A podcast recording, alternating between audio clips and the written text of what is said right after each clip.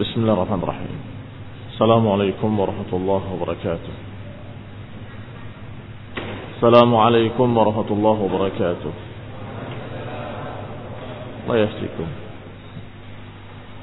إن الحمد لله نحمده ونستعينه ونستغفره ونعوذ بالله من شرور أنفسنا ومن سيئات أعمالنا من يهده الله فلا مضل له ومن يضلل فلا هادي له وأشهد أن لا إله إلا الله وحده لا شريك له وأشهد أن محمدا عبده ورسوله صلى الله عليه وعلى آله وأصحابه والتابعين وتابع التابعين ومن تبعهم بإحسان إلى يوم الدين يا أيها الذين آمنوا اتقوا الله حق تقاته ولا تموتن إلا وأنتم مسلمون. يا أيها الناس اتقوا ربكم الذي خلقكم من نفس واحدة وخلق منها زوجها وبث منهما رجالا كثيرا ونساء. واتقوا الله الذي تساءلون به والأرحام إن الله كان عليكم رقيبا. يا أيها الذين آمنوا اتقوا الله وقولوا قولا سديدا. يصلح لكم أعمالكم ويغفر لكم ذنوبكم.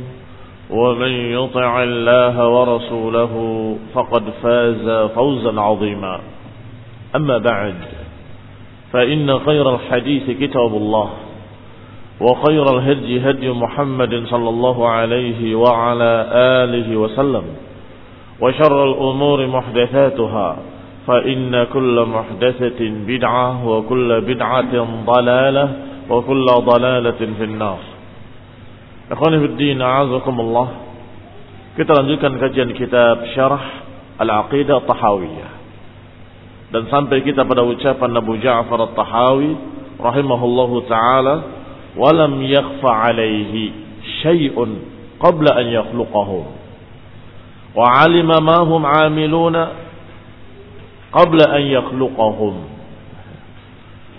Berkata Imam Abu Ja'far At-Tahawi rahimahullah, dan tidak tersamar atasnya sesuatu pun sebelum Allah menciptakan mereka.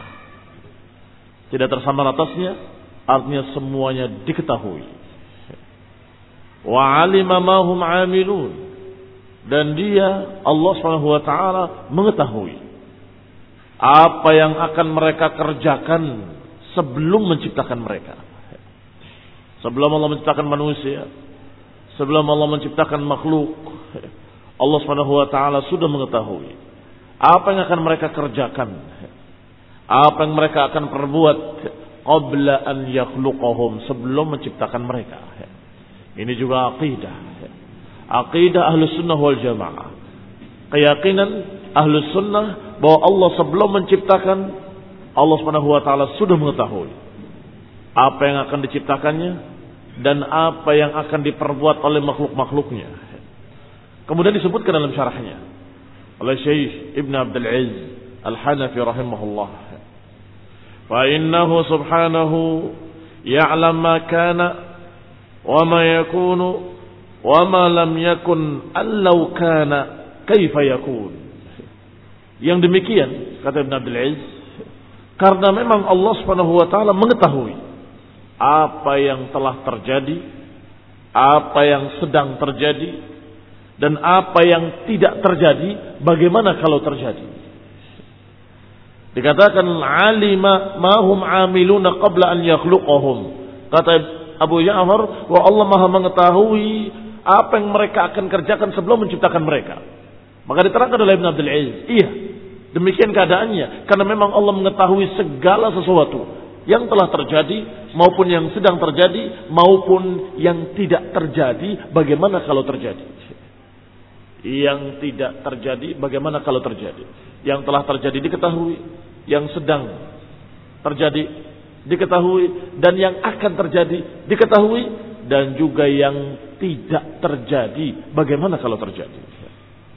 Kama qala ta'ala sebagaimana Allah Subhanahu wa taala berfirman dalam Al-Qur'an, "Walau ruddu la'adu lima an." Kalau mereka dikembalikan, niscaya mereka akan kembali kepada apa yang mereka telah dilarang daripadanya. Lau ruddu la'adu lima nuhu an. Kalau mereka dikembalikan ke dunia, niscaya mereka akan melakukan lagi apa yang mereka telah dilarang. Ini yang mana ini? Yang kana atau yang yakunu atau yang sayakun atau yang layakun. Hah? Yang terakhir. Bukan yang terjadi, bukan yang sedang terjadi, bukan yang akan terjadi. Tetapi yang tidak terjadi. Ketika manusia sudah dihisab yaumul qiyamah. Apakah bisa dikembalikan ke dunia? Apakah bisa dikembalikan ke dunia? Mereka memohon, mereka meratap, mereka menangis. Mereka menyatakan kepada Allah Subhanahu wa taala, "Farji'na na'mal salihan, inna muqinun." Ya Allah, kembalikan kami ke dunia. Kami akan beramal saleh. Kami sekarang yakin. Minta dikembalikan ke dunia. Apakah diberi? Tidak diberi. Kata Allah, "Lauruddu." Kalau mereka dikembalikan ke dunia, La'adu lima nuhu'an. Niscaya mereka akan melakukan kembali apa yang mereka telah dilarang daripadanya. Yang tadinya musyrik akan melakukan syirik lagi. Yang tadinya berbuat dosa akan berbuat dosa lagi. Ini tidak terjadi. Karena Allah tidak mengabulkan mereka dan tidak mengembalikan mereka ke dunia. Tidak terjadi. Tetapi Allah tahu bagaimana kalau terjadi. Ini berarti yang keempat dari ilmu Allah.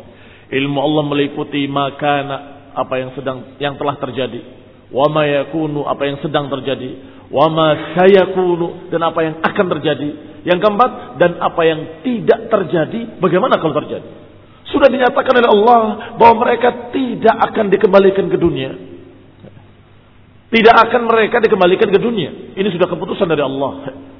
Maka tidak akan terjadi mereka kembali ke dunia. Tapi Allah tahu bagaimana kalau terjadi. Yaitu la'uddu atau la'adu lima nuhu an. Niscaya mereka akan kembali kepada apa yang mereka telah dilarang daripadanya. Wa in kana ya'lam annahum la yuradduna walaupun Allah mengetahui bahwa mereka la yuraddun, mereka tidak akan dikembalikan ke dunia. Walakin akhbara annahu law ruddu la'adu. Tetapi Allah mengkhabarkan dengan ilmunya bahwa mereka kalau dikembalikan, niscaya mereka akan kembali berbuat yang sama. Kama qala ta'ala sebagaimana juga Allah berfirman, "Walau 'alimallahu fihim khairan la asma'ahum walau asma'ahum latawallaw wa hum mu'ridun." Dalam surat Al-Anfal Allah Subhanahu wa taala menyatakan, "Walau 'alimallahu fihim khaira." Kalau saja Allah mengetahui ada kebaikan pada mereka, la asma'ahum niscaya Allah akan perdengarkan kepada mereka. Ini ilmu-ilmu ini. Tetapi kata Allah, walau asma'ahum latawallaw wa hum mu'ridun. Kalaupun diperdengarkan kepada mereka, latawallaw. Niscaya mereka akan berpaling. Wa hum mu'ridun dan mereka menentang. Lihat, Allah Subhanahu wa taala menyatakan kalau saja ada kebaikan aku akan perdengarkan. Tetapi mereka ini kalaupun diperdengarkan, niscaya mereka akan balik. Wa fi dzalika dalam ayat-ayat ini dan berita-berita dari para ulama tadi raddun 'ala rafidhah. Ini bantahan kepada Rafidhah wal Qadariyah. Bantahan kepada mereka-mereka aliran-aliran sesat dari Qadariyah maupun Rafidhah. Warafidhah firaqun atau firqatun min firaq syiah. Rafidah ada sekelompok dari kelompok-kelompok syiah dan mereka dinamakan dengan Rafidah karena mereka menolak pendapat dari ahli bait padahal mereka mengaku pencinta ahli bait. Mereka mengaku pecinta ahli bait, tetapi mereka justru penentang ucapan ahli bait. Ketika Zaid ibni Ali menyatakan tentang walaknya kepada Abu Bakar wa Umar. Maka mereka marah dan meninggalkan Zaid. Padahal Zaid adalah cucu Ali bin Abi Thalib. radhiyallahu taala anhu. Maka Zaid menyatakan kepada mereka, "Rafadtumuni, rafadtumuni, fa antumur rafidah." Kalian menolak aku, kalian menolak aku, maka kalian golongan para penolak ahlul bait. Golongan para penentang ahlul bait. Ini nama yang tepat. Nama Syiah kurang pas. Karena Syiah itu artinya pengikut. Syiatu Ali artinya pengikut Ali. Maka mereka bangga dengan nama itu. Kami Syiatu Ali. Kami Syiatu Hasan wal Husain. Kami Syiatu Ahlul Bait katanya. Kami adalah pencinta dan pengikut Ali, pencinta dan pengikut Hasan dan Husain, pencinta dan pengikut Ahlul Bait dan mereka berdusta. Mereka berdusta dengan kalimat tersebut. Mereka bukan Syiah, mereka Rafidah, mereka para penolak ucapan-ucapan Ahlul Bait. Yarfud qaula Aliyin, mereka menolak ucapan Ali, yarfud qaul al-Hasan wal Husain dan mereka yarfud qaul Zaid Wa mereka semuanya yarfud qawla ahlil bait.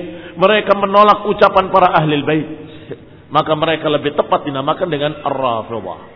Ternyata Rafidah ini dalam masalah i'tiqad, dalam masalah keyakinan di samping mengkafirkan para sahabat juga mereka seperti Qadariyah.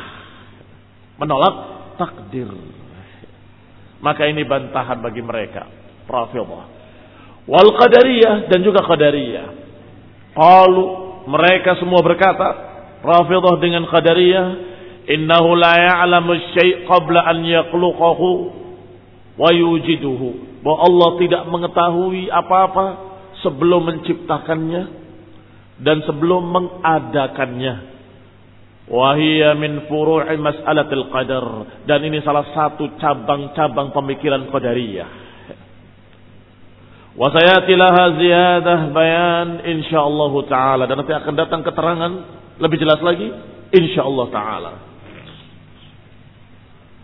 Ta'atihi wa nahahum an ma'siyatihi.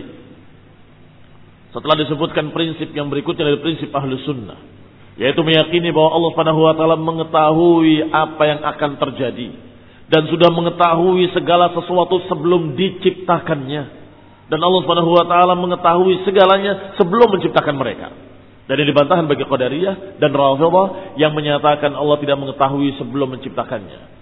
Fahada kesesatan Qadariyah dan kesesatan Rafidhah. Wa qala Abu Ja'far rahimahullah wa amarahum bi ta'atihi wa nahahum an ma'siyatihi dan dia Allah Subhanahu wa taala memerintahkan mereka untuk mentaatinya dan melarang mereka dari kemaksiatan kepadanya. Allah mengetahui takdir. Tetapi Allah memerintahkan kepada mereka. Memerintahkan mereka untuk taat kepadanya dan memerintahkan mereka untuk jangan bermaksiat kepadanya. Zakara Syekh Al-Amr Nahi. Pada poin berikutnya Syekh Abu Ja'far rahimahullah membawakan berita tentang perintah dan larangan Ba'da dzikrihil khalq wal qadar. Setelah menyebutkan tentang penciptaan dan takdir, diberitakan pula tentang perintah dan larangan secara syar'i. Untuk menunjukkan bahwa ahlu sunnah wal jamaah beriman dengan kedua-duanya. Beriman dengan qada wal qadar, beriman dengan ilmu Allah bahwa Allah mengetahui segala sesuatu sebelum terjadi dan juga beriman bahwa Allah Subhanahu wa taala memiliki syariah, memiliki hukum-hukum, memiliki al-amr wan nahi, memiliki perintah-perintah dan larangan-larangan. Maka kalimat ini dari Abu Ja'far At-Tahawi rahimahullah isyaratun ila anna Allah taala khalaqal khalqa li'ibadatihi mengisyaratkan bahwa Allah menciptakan makhluk-makhluknya adalah untuk ibadah wa ibadatuhu dan ibadahnya adalah mentaati perintah-perintahnya dan menjauhi larangan-larangannya. Karena kalimat Allah yang Allah katakan dalam Al-Quran, khalaqtul jinna wal insa illa liya'budun. Tidaklah aku ciptakan jin dan manusia kecuali untuk beribadah kepadaku. Di antara tafsirnya adalah tidaklah aku ciptakan manusia dan jin kecuali untuk diperintah dan dilarang. Lihat tafsir dari para ulama, termasuk Imam Syafi'i rahimahullah yang menyatakan tentang ayat Allah Subhanahu wa taala dalam surat Al-Qiyamah. Ayahsabul insanu an yutraka sudah. Apakah manusia mengira bahwa mereka akan dibiarkan sia-sia? Kata Imam Syafi'i rahimahullah, "Ai la yu'mar wa la yunha." Sia-sia, ini tidak diperintah, tidak dilarang. Berarti mana ayat tadi? Apakah manusia mengira bahwa mereka akan dibiarkan sia-sia tanpa diperintah, tanpa dilarang, tanpa diberi syariat, tanpa diberi hukum-hukum, tanpa diberi aturan-aturan? Ayasabul insan an yutraka sudah. Maka tafsir ayat ini pun demikian. Wa ma khalaqtul jinna wal insa illa liya'budun. Tidaklah aku ciptakan jin dan manusia kecuali agar mereka beribadah kepadaku yakni kata Allah tidakkah tidaklah aku ciptakan jin dan manusia kecuali untuk diperintahkan agar beribadah kecuali untuk diperintah dan dilarang kecuali untuk diatur dengan syariat wa qala ta'ala dan juga Allah berfirman alladzi khalaqal mauta wal hayata liyabluwakum ayyukum ahsanu amala. Yang menciptakan kematian dan kehidupan. Agar menguji kalian ayyukum ahsanu amala.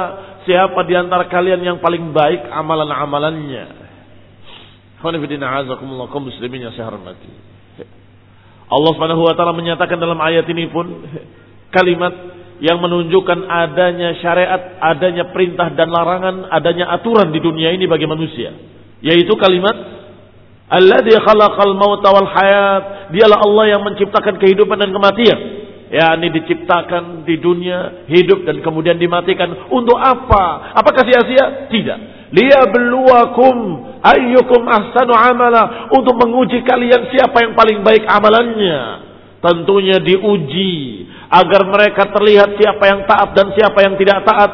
Diuji dengan larangan-larangan siapa yang taat dan siapa yang tidak taat diuji dengan aturan-aturan dan hukum siapa yang tunduk patuh dan siapa yang tidak mau tunduk tidak mau patuh ini makna liyabluwakum ayyukum ahsanu amala maka kehidupan manusia di dunia tidak sia-sia kehidupan manusia di dunia tidak begitu saja sudah kosong tidak tetapi ada sesuatu hikmah yang Allah kehendaki yaitu diuji dengan perintah dan larangan diuji dengan syariat Allah Subhanahu dan hukum-hukumnya.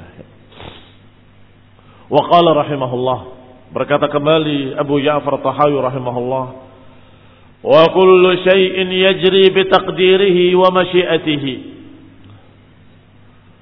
wa masyiatuhu tunaffad. La masyiata lil ibadi illa ma syaa lahum.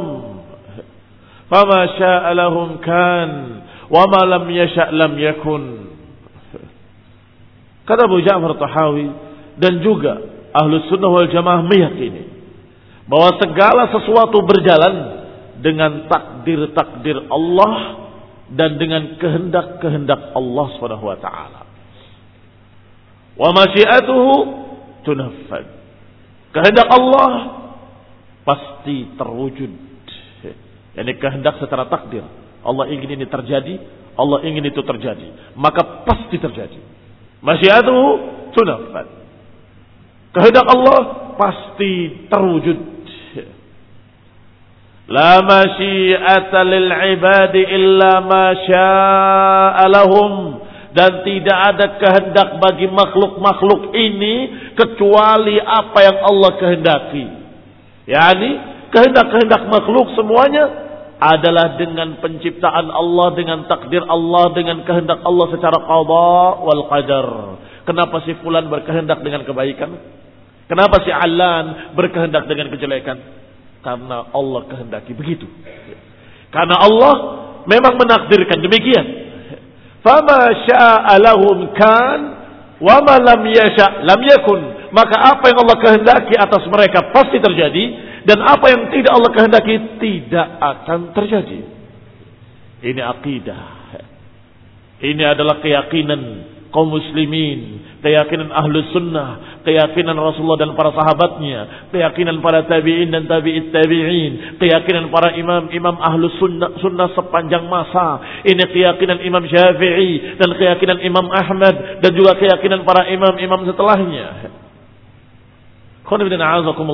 Berkata dalam syarahnya Syekh Ibn Abdul Aziz Al-Hanafi, Qala ta'ala yang demikian dalilnya adalah karena Allah berfirman dalam Al-Quran وما تشاءون إلا أن يشاء الله tidaklah kalian berkehendak kecuali dengan kehendak Allah ayatnya sangat jelas tidak bisa ditafsirkan kepada tafsir lain wa ma tasyauna illa an yasha Allah tidaklah kalian berkehendak kecuali dengan kehendak Allah innallaha kana aliman hakima demikian dikatakan dalam surat al-insan dan juga Allah katakan dengan makna yang hampir sama di dalam ayat dalam surat At-Takwir. Allah katakan wa ma tasyauna illa an yasha Allahu rabbul alamin. Tidaklah kalian berkehendak kecuali dengan kehendak Allah rabbul alamin. Wa qala ta'ala dan juga Allah berfirman dalam ayat lainnya, walau annana anzalna ilaihimul malaikata وكلمهم kallamahumul وحشرنا عليهم كل شيء قبلا ما qubulan. Ma إلا أن illa an yasha Allah. Perhatikan juga ayat ini dalam surat al-an'am. Walau anzalna, walau anna anzalna, kalaupun annana anzalna, walaupun kami menurunkan kepada mereka malaikat-malaikat yang langsung mengajak bicara mereka dan langsung bisa mengajak bicara orang-orang mati Wahasyarna alaihim kulla syai'in qubulan dan kami kumpulkan segala sesuatu untuk mereka. Segala sesuatu. Maka nul yu'minu. Niscaya mereka tidak akan beriman kecuali dengan kehendak Allah. Perhatikan. Tidak akan beriman kecuali dengan kehendak Allah. Maka liyu'minu illa an yasha Allah. Mereka enggak akan beriman kecuali dengan kehendak Allah Subhanahu wa taala. Azakumullah kaum muslimin yang saya hormati. Ahli sunnah wal jamaah adalah mereka-mereka yang naqif, yang wakaf, yang yaqif ala maqal Allah. Ahli sunnah wal jamaah adalah orang-orang yang berhenti pada apa kata Allah kalau Allah bilang wa mata syauna illa an yasha Allah, maka ahlu sunnah akan berkata wa mata syauna illa an yasha Allah. Kalau Allah menyatakan bahwa setiap orang tidak mungkin berkehendak kecuali dengan kehendak Allah, maka ahlu sunnah juga berkata, namanya manusia tidak akan punya kehendak kecuali dengan kehendak Allah Subhanahu wa taala. Kalau Allah menyatakan wa ma kana liyu'minu illa an yasha Allah, mereka tidak akan beriman kecuali dengan kehendak Allah, maka ahli sunnah juga berkata, mereka tidak akan beriman kecuali dengan kehendak Allah Subhanahu wa taala. Tidak ditakwilkan, diseret maknanya ke sana kemari. Tidak diselewengkan, dicocokkan dengan hawa nafsunya. Tidak ditarik-tarik kepada apa yang mereka maukan. Tidak. Ahlu sunnah, mereka adalah orang-orang yang berhenti pada apa kata Allah. Tunduk kepada apa yang diberitakan oleh Allah taala dalam Al-Qur'an. Walaupun diturunkan malaikat. Bukan hanya nabi, Nabi dakwahi mereka, mereka nggak mau beriman. Diturunkan malaikat kepada mereka, mereka nggak akan beriman. Diturunkan semua yang mereka minta. Coba belah bulan, kasih belah bulan. Coba kalau kamu memang Nabi, keluarkan mata air, keluarkan mata air. Semua yang mereka minta Allah berikan. Tetap maka liyu'minu. Tetap mereka nggak akan beriman. Illa kecuali an yasha Allah. Kecuali dengan kehendak Allah subhanahu wa ta'ala. Ini aqidah. Ini keyakinan yang harus diyakini. Sehingga kita berdakwah karena mengharapkan pahala kepada Allah Subhanahu wa taala. Kita mengajak kepada sunnah karena mengharap pahala kepada Allah Subhanahu wa taala. Mereka mau beriman itu Allah yang menakdirkan. Mereka tidak mau beriman, memang itu adalah sudah qada wal qadar. Kalau mereka dengan dakwah tauhid tidak mau menerima, mereka sendiri yang akan rugi. Kalau mereka tidak mau menerima dakwah sunnah, maka mereka sendiri yang akan rugi. Kita sudah menyampaikan apa yang diperintahkan, sedangkan iman atau tidak beriman bimasyiatillah. Bukan dengan usaha dan upaya kita. Kita berupaya, Allah yang menentukan. Kita berusaha, Allah yang menakdirkan. Berita-berita ini. Hatta la ta'sau ala ma fatakum wala tafrahu bima atakum agar kalian jangan terlampau sedih kalau hilang dari kalian sesuatu dan jangan terlampau gembira kalau kalian mendapatkan sesuatu. Kalau berhasil dakwahnya manusia berbondong-bondong datang menjadi ahlu sunnah. Berbondong-bondong datang memegang tauhid. Masya Allah. Menerima dakwah kalian. Jangan terlampau gembira. Kenapa? Jangan kamu sombong. Oh ini hasil usaha saya. Masya Allah. Saya begitu hebatnya. Saya begitu pinternya. Saya begitu, saya begitu, saya begitu. Jangan, jangan, jangan, jangan, jangan. Itu karena Allah kasih hidayah mereka. Maka ucapkan Alhamdulillah. Wa syukrulillah. Ucapkan kita menyatakan kepada Allah Subhanahu wa taala bahwa Allah lah yang memberikan hidayah pada mereka. Demikian pula sebaliknya dakwah mati-matian, mengorbankan segala macam yang kamu miliki, habis semua tenaga, waktu, habis hartanya, semua untuk mengajak mereka kepada tauhid wa sunnah, nggak ada yang mau ngikut satu orang pun nggak ada. Jangan sedih. La yahzunka alladhina yusari'una fil kufur kata Allah kepada nabinya. La yahzunka, jangan menyedihkan kamu Orang-orang yang yusari'una fil kufur. Orang-orang yang berlomba-lomba untuk kafir. Berlomba-lomba untuk sesat. Berlomba-lomba untuk menjalani jalan kesesatan. La yahzunka. Jangan menyedihkan kamu. Allah yahdi man yasha. Wa yutillu man yasha. Allah memberikan hidayah kepada siapa yang dikehendaki. Dan Allah menyesatkan kepada siapa yang dikehendaki.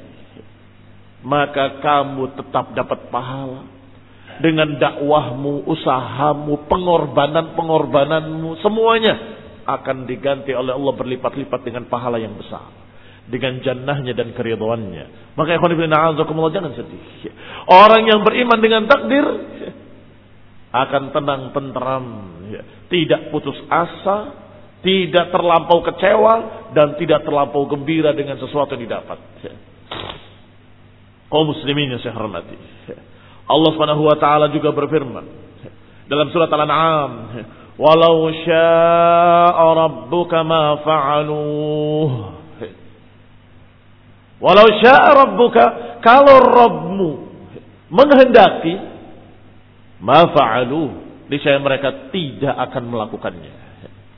Kalau Allah menghendaki, niscaya mereka tidak akan melakukannya. Sehingga ketika kamu melihat mereka berbuat sesuatu yang betul-betul menyakiti hati kita. Mengecewakan. Membuat kita sangat sedih. Maka kita ingat bahwa ini adalah takdir dari Allah. Dan setiap Allah menakdirkan, pasti ada hikmah. Paling tidak, itu ujian buat kamu. Diuji dengan penolakan-penolakan diuji dengan cercaan-cercaan, diuji dengan berbagai macam cemoohan-cemoohan dari ahlul balal. Kita memberikan kebaikan, memberikan ilmu, menyampaikan ini yang hak, ini yang batil, ikutilah yang hak, jangan ikuti kebatilan. Ini ikhlas, memberikan kebaikan pada mereka. Ternyata mereka membalasnya dengan kalimat, kalian memang sok benar sendiri. Memang kalian adalah yang masuk surga sendirian. Memang kalian, kalian, kalian habis. Ujian ini ujian dari Allah Taala. Jangan membuat kita putus asa. Jangan membuat kita kemudian terlampau sedih. La yahzunka. Jangan sedih. Itu Allah takdirkan. Dan kalau Allah menakdirkan, menunjukkan pasti ada hikmah di sana. Di antara hikmah yang tersebut dalam Quran wa sunnah adalah ujian buat kalian, ujian buat kita, ujian buat mereka, mereka ahlus sunnah yang sedang berdakwah, bahwa kalian ini diuji oleh Allah dengan kejadian-kejadian seperti itu. Atasbirun. Apakah kalian sabar? Allah Subhanahu wa taala menguji kadang-kadang bisyarri wal khairi fitnah. Atasbirun. Dengan khairi wa syarr, dengan kebaikan dan kejelekan. Sebagai fitnah. Atasbirun, apakah kalian sabar? Sabar dalam artian terus di atas perintah Allah, istiqamah di atas tauhid was sunnah, istiqamah dalam dakwah, tidak goyah, tidak mundur, tetap. Apa pun yang dihadapinya, khairin atau syar. Kebaikan atau kejelekan. Keberhasilan ataupun kegagalan. Ikhwan bin kaum muslimin yang saya hormati. Allah katakan kalau Allah kehendaki, mereka nggak akan melakukan seperti itu. Kalau Allah kehendaki. Mereka nggak akan lakukan itu. Tetapi mereka melakukan itu berarti memang Allah takdirkan demikian. Ayat lainnya Allah berfirman, "Walau syaa rabbuka la amana man fil ardi kulluhum jami'a." Kalau saja Allah menghendaki, kalau syaa rabbuk, kalau Rabbmu menghendaki, niscaya akan beriman seluruh yang di muka bumi.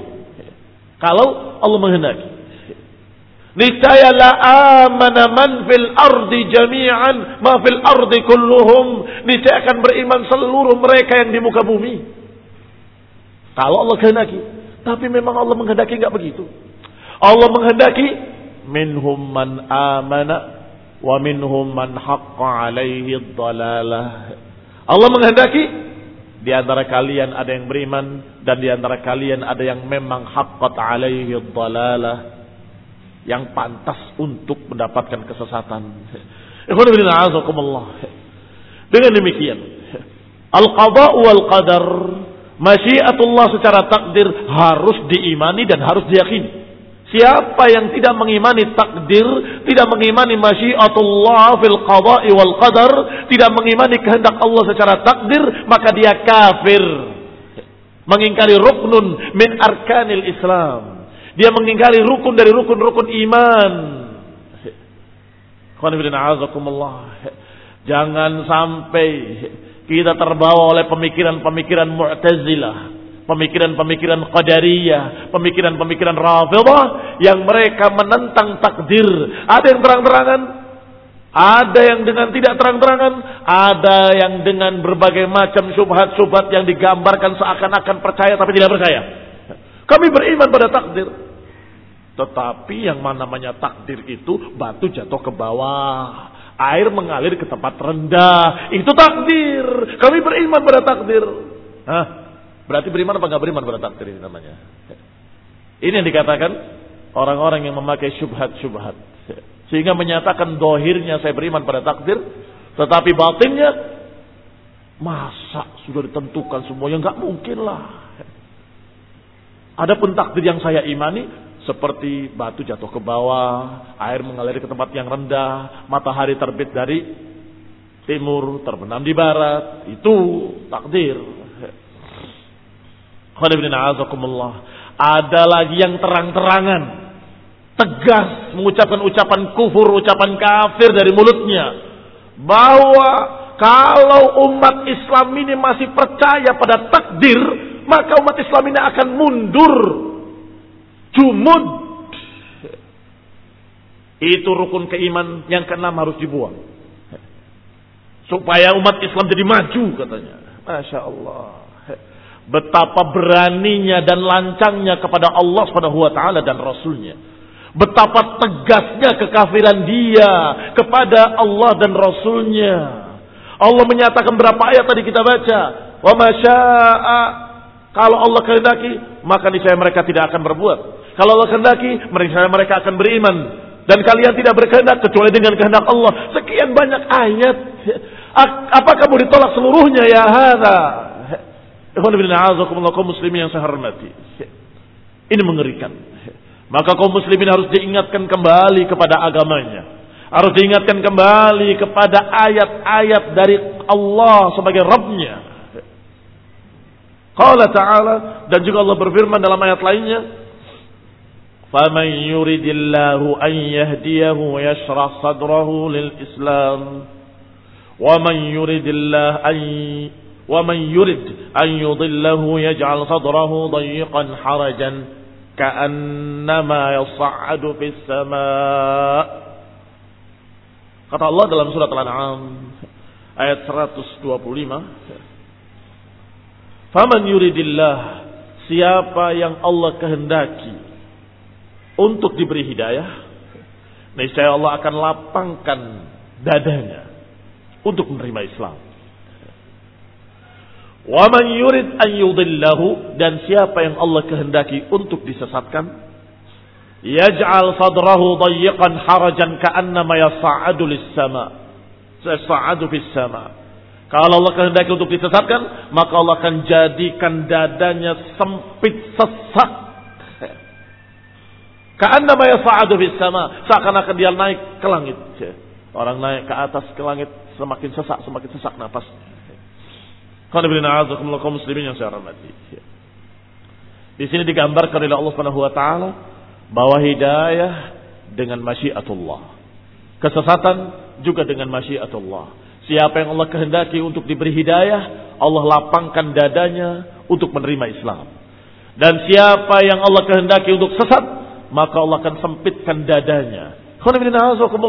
Ini kalimat sangat jelas, sangat gamblang nggak bisa ditafsirkan kepada makna-makna lain kecuali makna takdir, kecuali makna qada wal qadar. Maka mereka-mereka yang menentangnya berarti mereka menentang ayat-ayat ini seluruhnya. Wala haula wala quwata illa billah. Wala ara ma'ahu an yartafi' ma'ahu amalun ila sama. Dan saya tidak ber, ber, tidak ber, berlihat atau tidak melihat mereka akan diterima amalannya di sisi Allah Taala kalau mereka mengingkari takdir. Wa ma'ara an yartafi' ma'ahu 'amalun ila sama sebagaimana dikatakan oleh beberapa ulama. Sebagaimana dikatakan oleh Ibnu Umar lau anfaqa mithla uhudin dahaban kalaupun mereka berinfak segunung Uhud emas Allah tidak akan menerimanya hatta yu'mina bil qadar. Dalam Sahih Muslim sebutkan tidak akan diterima amalan mereka sampai mereka beriman kepada takdir. Maka berarti mereka-mereka yang mengingkari takdir maka gugur amalan-amalannya karena dengan kufurnya akan gugur amalannya. Kaum muslimin saya hormati. Ucapan Allah yang berikutnya Allah Subhanahu wa taala menyatakan Qala ta'ala hikayatan an Nuh alaihi salam id qala liqaumihi Allah mengisahkan ucapan Nuh alaihi salam ketika mengisahkan Nuh berkata kepada kaumnya wama wala yanfa'ukum nushi. In aradtu an ansaha lakum in kana Allah yuridu an yughwiyakum. Kata Nuh kepada kaumnya wama yanfa'ukum nushi. Dan gak akan bermanfaat bagi kalian nasihatku In aratu an ansahalakum. Kalaupun aku menginginkan untuk menasehati kalian, nggak akan bermanfaat nasihatku kepada kalian jika Allah menghendaki untuk menyesatkan kalian. Ini akidah Nabi Nuh alaihi salam dan akidah para anbiya seluruhnya. Aku nasihati kalian, aku peringatkan kalian, aku dakwahi kalian, namun tidak akan bermanfaat nasihat kepada kalian kalau memang Allah menghendaki untuk menyesatkan kalian. Percuma. Kalau Allah menghendaki kalian sesat, kalian akan sesat. Maka saya mendakwahi kalian karena diperintahkan oleh Allah dan kalian berharaplah kepada Allah dapat hidayah.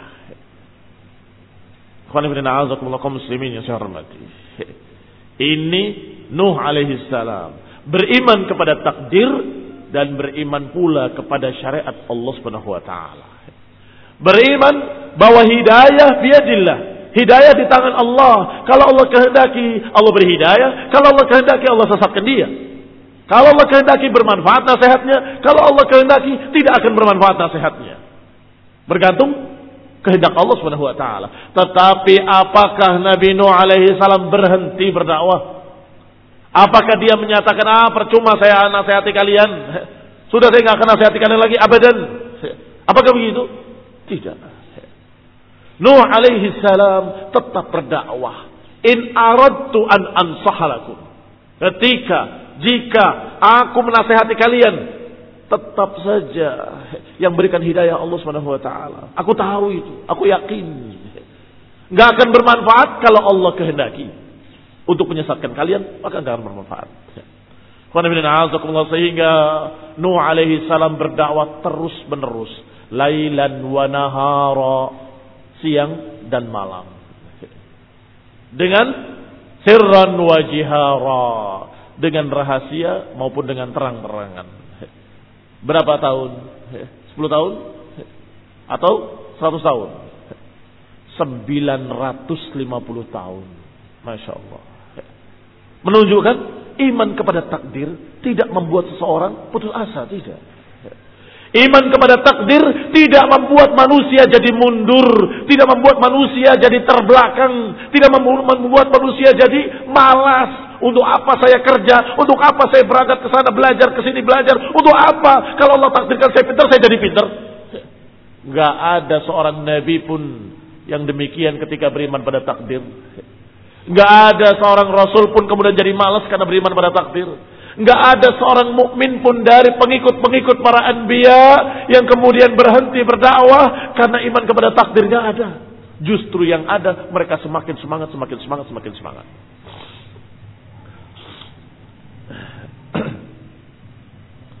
Kau muslimin yang saya hormati. Salah satu contohnya adalah Nuh alaihi salam yang tetap semangat berdakwah lailan wa nahara, sirran wa jihara. Yasha'u Allah yudlilhu wa man yasha' wa man yasha' Allah yudlilhu wa man yasha' yaj'alhu ala siratin mustaqim.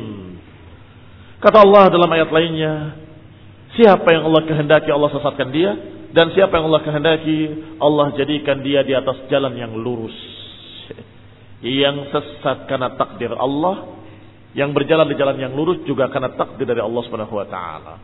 Ila ghairi dzalika minal adillati ala annahu la yasha masya Allah kana wa lam yasha lam yakun. Dan lain-lainnya dari dalil-dalil yang menunjukkan bahwa masya Allah kan wa man lam yasha lam yakun.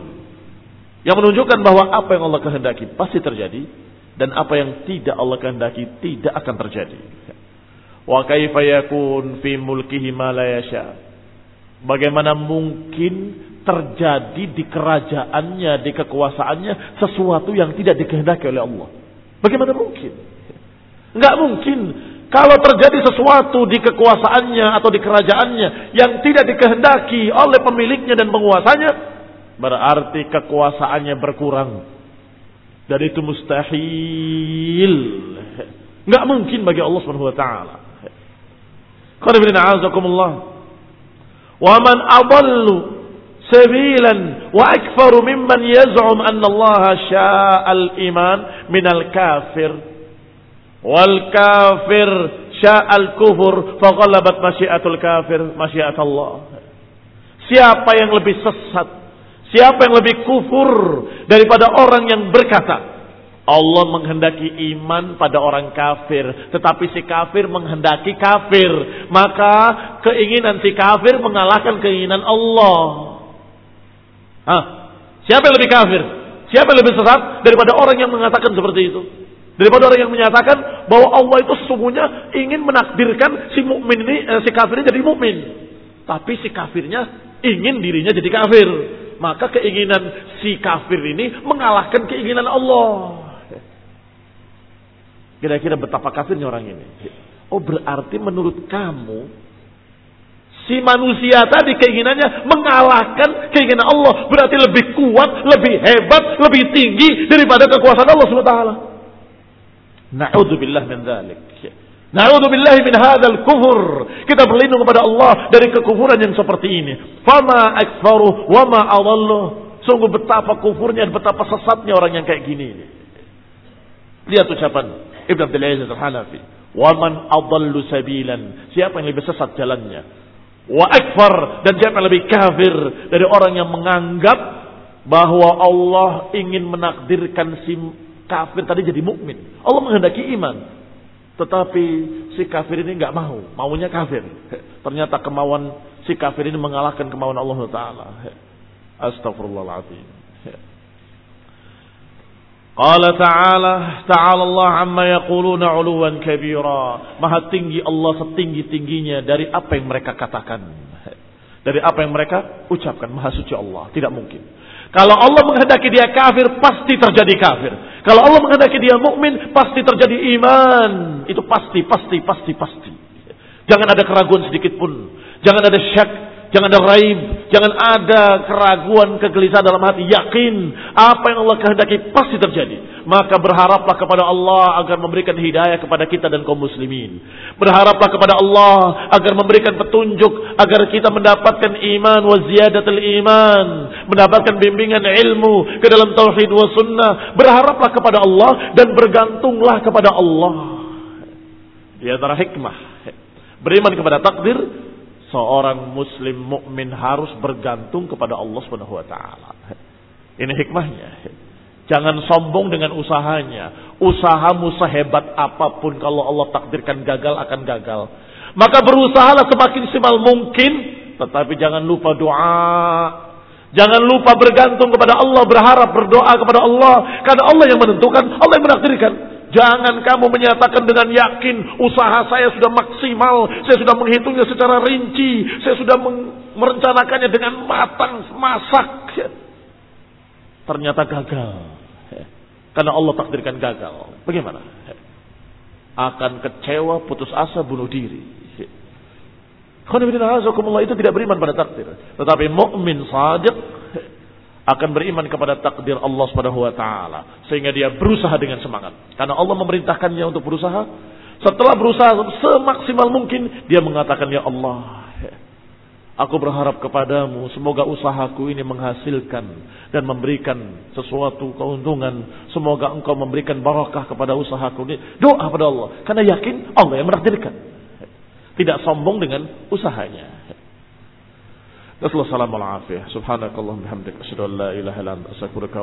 Wassalamualaikum warahmatullahi wabarakatuh.